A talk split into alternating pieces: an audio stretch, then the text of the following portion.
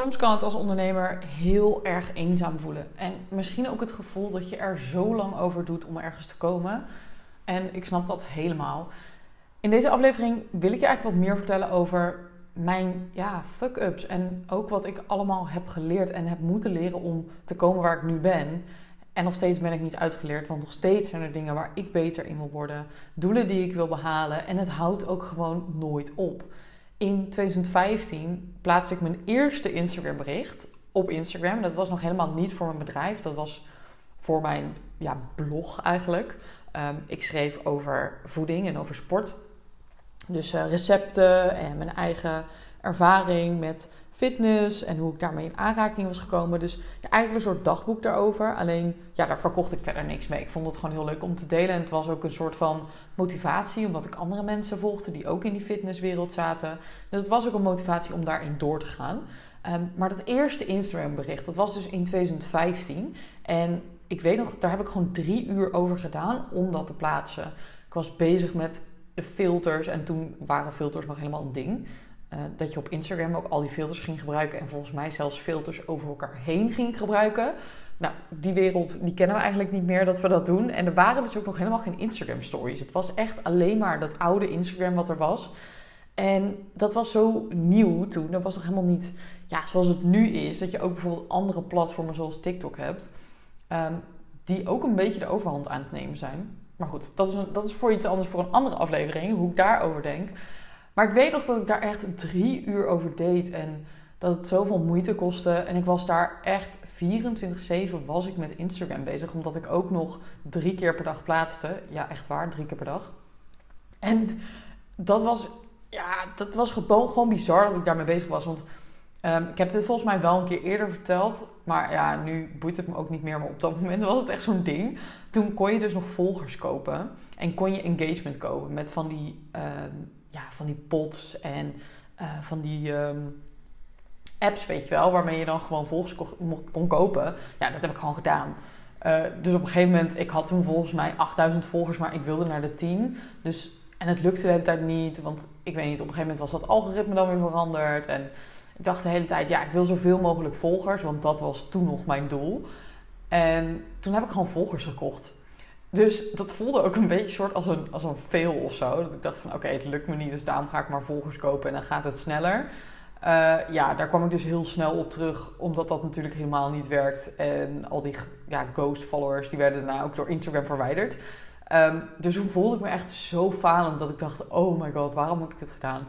Waarom lukt het maar nou niet? En waarom kan ik ook niet sneller content maken? Want ik, serieus, ik ging dan aan het einde van de dag na mijn werk. Ik had toen nog een uh, loondienstbaan. Na mijn werk om vijf uur, om zes uur zelfs, ging ik met mijn statiefje ging ik dan de stad in om een foto te maken. En dat was zo erg. Die foto's die bewerkte ik ook echt mega erg. Ik heb dat account nog.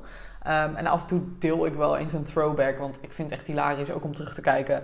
Omdat het zo'n ander persoon is dan wie ik nu ben. En ook gewoon um, nog zo onzeker en heel erg bezig met wat andere mensen van me denken. En dat het allemaal perfect moest zijn. Onzekerheid, dat liet ik natuurlijk echt niet zien. Um, maar goed, dat was een beetje dus het begin van mijn Instagram-wereld. En op een gegeven moment had ik die 10.000 volgers en heb ik gewoon twee jaar over gedaan om dat te krijgen. En dus die 2000 waren dus gewoon nep.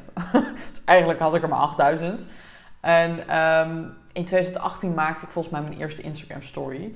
En daar deed ik echt 30 minuten over. Want alles was niet goed. Ik wist niet wat ik moest plaatsen.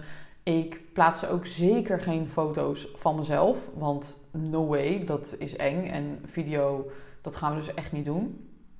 En daar deed ik dus echt heel lang over om dat te doen. En mijn eerste Instagram stories van mijn zakelijke account waren ook zo anders dan nu. Het was nog heel erg bedenken wat ik ging zeggen. En ja, niemand reageerde daar ook op. Omdat ja, je zag gewoon aan mij dat ik het zelf ook heel awkward vond. En ik weet wel, toen ik mijn bedrijf begon, toen moest ik dus vanaf nul moest ik dat nieuwe account gaan opbouwen. Dus dat was ook echt een ding, omdat ik dacht, ja, nu moet ik weer vanaf nul gaan bouwen. En nu moet ik mezelf laten zien. He, nu moet ik wel, want nu wil ik er ook echt iets mee bereiken. Ik wil dat mensen mij blijven volgen en dat ze uiteindelijk ook klant worden. In plaats van, nou ja, het is leuk dat ik dat um, ga delen natuurlijk. Dus dat was echt zo'n onzekere fase waarin ik heel erg door die weerstand heen moest.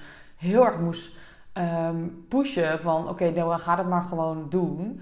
En dat is echt met stapjes gegaan. Weet je, het is niet zo dat ik in één keer, uh, weet je, ook die, die 15.000 volgers had. En by the way, bij dit account heb ik ze echt niet gekocht. Dat zweer ik op Willem, mijn hond. um, nee, maar dat, dat duurde dus ook natuurlijk heel lang voordat de reactie opkwam. En voordat ik ook er overheen was bij mezelf van oké, ik durf dit en ik ga dit doen. En verkopen, dat deed ik nog niet eens. Want ja, oh my god, uh, verkopen op Instagram, sowieso mijn aanbod gaan verkopen, ja, dat, dat kan ik toch niet? En wat als mensen het te duur vinden? Dus die eerste cursus die ik lanceerde, dat was in 2020, denk ik. Ik, ik weet het niet, 2019? Nee, 2019. En ja, volgens mij deed ik dat voor 25 euro. En dat deed ik puur omdat ik gewoon heel erg bang was dat niemand zou kopen. En heel erg in die angst zitten van, maar hè, misschien is het helemaal niet waard. Als ik meer vraag of vinden mensen het niet goed genoeg. Uh, wat nou als iemand daarna zegt dat het niet goed genoeg is. Of als ik niks verkoop. Dat was de ergste angst, denk ik. Dan als ik niks verkoop, ja, dan ben ik dus aan het falen en dan, dan lukt het niet. En in die eerste ronde, toen verkocht ik volgens mij 60 tickets. Maar dat kwam ook omdat die prijs gewoon heel laag was. Um, en toen op een gegeven moment, na twee keer dat ik hem had gegeven, toen langzaamaan ben ik die prijs gaan verhogen. Dus op een gegeven moment was die 80, 90 euro. En daarin is ook een opbouw geweest, omdat ik steeds meer merkte van oké, mensen gaan hierop aan, mensen willen graag meedoen. Uh, ook het vertrouwen in jezelf krijgen, hè, dat het dus goed gaat. En ja, dat mensen het ook oprecht goed vinden. Dus die fase heb ik ook gehad. Het is niet dat ik in één keer zei van... oké, ja, bam, ik ga gewoon nu deze prijs vragen en fuck iedereen. Nee, ik bedoel, bij mij is dat ook een, een proces geweest van... nou, ik denk wel een jaar. En dat is ook iets wat mag, hè. Dat, dat, vooral het accepteren dat het een proces is... en accepteren dat je daar stappen in mag en moet nemen. En dat je voor jezelf die procesdoelen ook opstelt. Want een procesdoel is bijvoorbeeld dat je meer zelfvertrouwen krijgt in het verkopen. En een einddoel is, ik wil een bepaalde omzet. Maar als je alleen maar dat einddoel voor ogen hebt en je merkt dat je blokkades voelt in die tussenstappen, ja, dan ga je gewoon dat gevoel krijgen dat je niet goed genoeg bent. Of ja, ook wel dat, dat eenzame gevoel, wat ik ook echt wel had op een gegeven moment. Dat het lijkt alsof iedereen natuurlijk dat succes in één keer heeft behaald, zonder dat er struggles zijn geweest.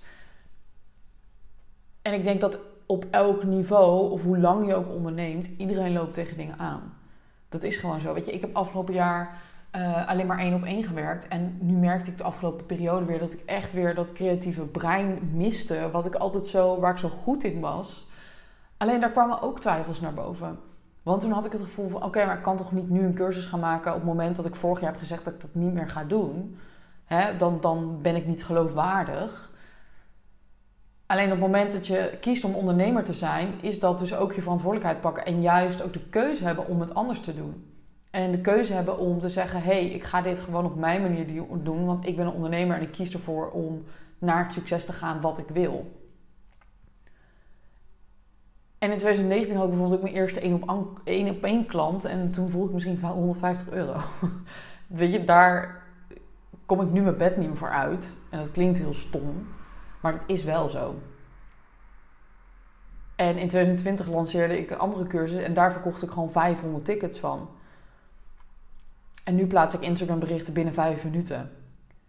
Dus het duurde ook echt wel, denk ik, vijf jaar voordat ik die volledige code had gekraakt. Van oké, wat is nou die perfecte combinatie voor mij?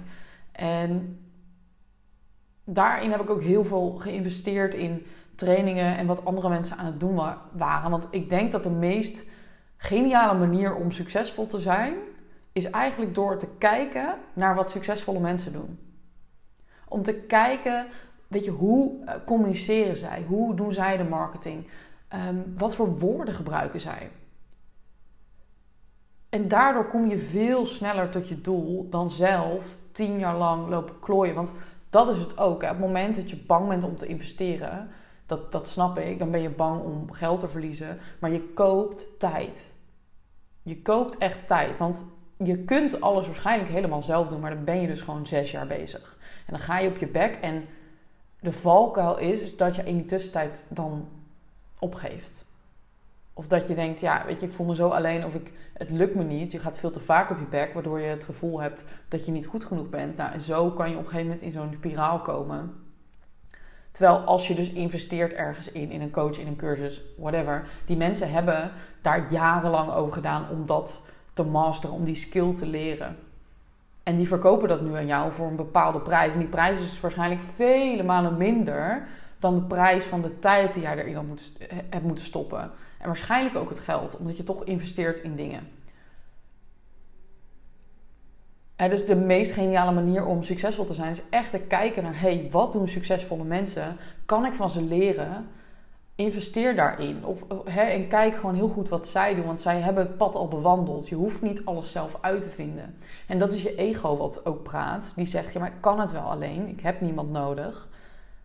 Heb ik ook in dat eerste jaar super sterk gevoeld. Dat ik dacht van ja, maar ik moet dit gewoon zelf doen. En daarna dacht ik, ja, maar waarom ben ik nu de hele tijd aan het afzetten? Want dat was ook, als ik dan andere mensen op Instagram zag, voelde ik ook ergens een soort van, ik werd getriggerd. Ik voelde misschien afgunst, ik was jaloers, wat dan ook. En toen voelde ik die jaloezie en toen dacht ik, ja, ik kan daar nu twee dingen mee doen. Ik kan jaloers blijven en geen actie ondernemen. Of ik ga kijken wat ze nou zo goed doen en ga daarvan leren. Dus ik ga ze bewonderen in plaats van dat gevoel hebben van, hm, nou, ik kan het wel allemaal zelf. En dat heeft bij mij echt een heel groot verschil gemaakt. Echt, daardoor heb ik een soort van alles open kunnen zetten. Dat ik alles dacht, oké, ik blijf gewoon altijd een leerling. Ik ben nooit uitgeleerd. En daardoor heb ik zo'n groei doorgemaakt in alles wat ik heb gedaan. En ook op momenten dat het minder ging. Ik bedoel, ik heb ook echt maanden gehad dat ik um, niet meer wist wat ik moest plaatsen. Dat ik echt het helemaal kwijt was. En zelfs afgelopen zomer had ik nog echt het gevoel van... ik weet gewoon even niet meer waar ik naartoe wil. Waar ik helemaal gelukkig van word. Dat heeft niet... Weet je, dat heeft niks te maken met mijn kennis of wie ik ben als ondernemer. En dat is bij jou ook niet zo op het moment dat je het niet meer voelt of geen motivatie hebt of je alleen voelt. Weet je, dat hebben we allemaal. En ik denk echt dat daar nog meer over gedeeld mag worden online onder ondernemers. Want dat helpt je. Dat heeft me ook heel erg geholpen als andere mensen kwetsbaar daarin waren en lieten zien van hé, hey, weet je, ik ben daar ook geweest of ik, bij mij is het ook niet goed gegaan. Want dan zie je pas van hé, hey, oké, zij hebben het dus uiteindelijk gewoon bereikt. Dus dan is het voor mij ook mogelijk. Die mensen zijn niet geboren met succes die mensen zijn niet uh, gaan ondernemen en hebben direct die, om, die omzetdoelen gehaald. Of weet ik veel, het succes wat ze wilden. En dat scheelde voor mij echt heel erg. Dat ik dacht van ja, oké, als zij het kunnen, kan ik het ook. En ook op momenten dat ik nu denk van oké, ik, ik voel wat minder in mijn energie, ik, ik heb minder inspiratie. Dan kan ik het veel makkelijker weer naar boven halen, waardoor ik het weer beter kan voelen. Omdat ik nu precies weet wat ik moet doen ik heb al die knoppen. Ik zie het altijd als een soort van, ja, alle, alle knoppen die er zijn in je bedrijf. En op het moment dat er nu bijvoorbeeld, hè, weet ik veel, minder klanten, minder bereik, whatever, wat er ook gebeurt, dan weet ik heel goed aan welke knoppen ik moet draaien. Alleen daar heb ik heel lang over gedaan. Om precies te weten wat die knoppen zijn en hoe ze werken. En voor mij die belangrijkste knop is het stuk marketing. Want ik zie marketing echt als de brug tussen jou en je ideale klant. Want op het moment dat jij die marketing niet doet, dan moet je eigenlijk een kloof voor je zien. Dus jij staat aan de ene kant, je ideale klant staat aan de andere kant. Hoe ga jij ze bereiken als er niet een brug is? Marketing is de enige manier om te laten zien wat je kan en wat je kan betekenen voor die klant om over te steken. Om dat verlangen te creëren dat ze denken: oké, ik ga naar die overkant. Want als zij nog niet hebben gekocht, hoe weten ze dan wat ze aan je hebben? En dat is zo belangrijk in je marketing om dat altijd in je achterhoofd te houden op het moment dat je denkt: ik heb er geen zin meer in, ik ben klaar met marketing. Ehm, kijk naar die brug. Hoe kan jij die brug verstevigen? Hoe kan je die brug beter maken? Dat die persoon aan de andere kant denkt: ja, en nou ga ik oversteken. En dat is wat je wilt.